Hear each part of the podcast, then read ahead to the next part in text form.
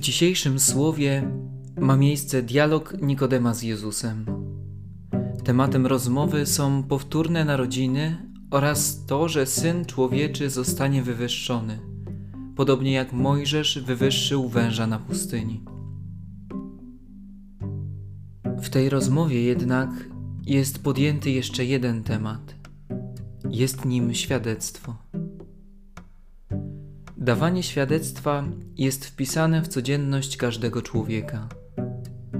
Świadczyć to nic innego jak potwierdzać, że coś jest prawdziwe. Takim przykładem jest choćby moment, kiedy przedstawiamy się nieznanemu.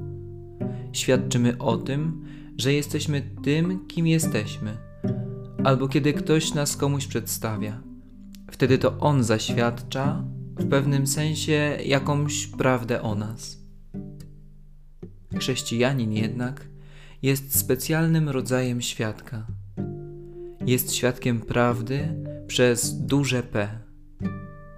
Dlatego też wymaga się od niego czegoś więcej. Tym czymś więcej jest świadectwo dawane 24 godziny na dobę, 7 dni w tygodniu, przez cały rok, przez całe życie. Dlaczego? Ponieważ żyjemy prawdą, prawdą zmartwychwstania, prawdą Chrystusa.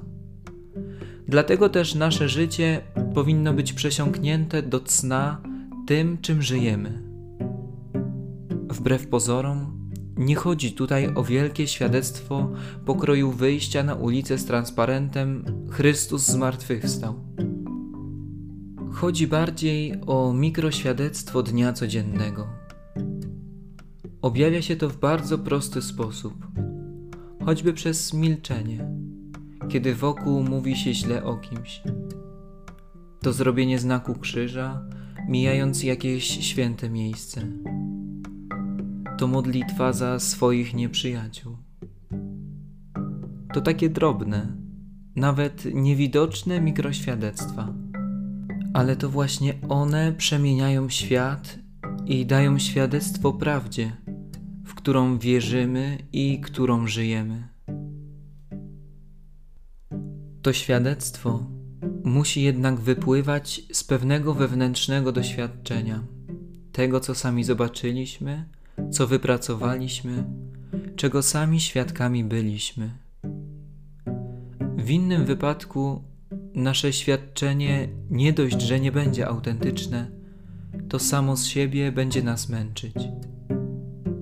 W końcu, jaki sens jest czynić znak krzyża w miejscu świętym, kiedy ja sam nie mam poczucia sakrum danego miejsca?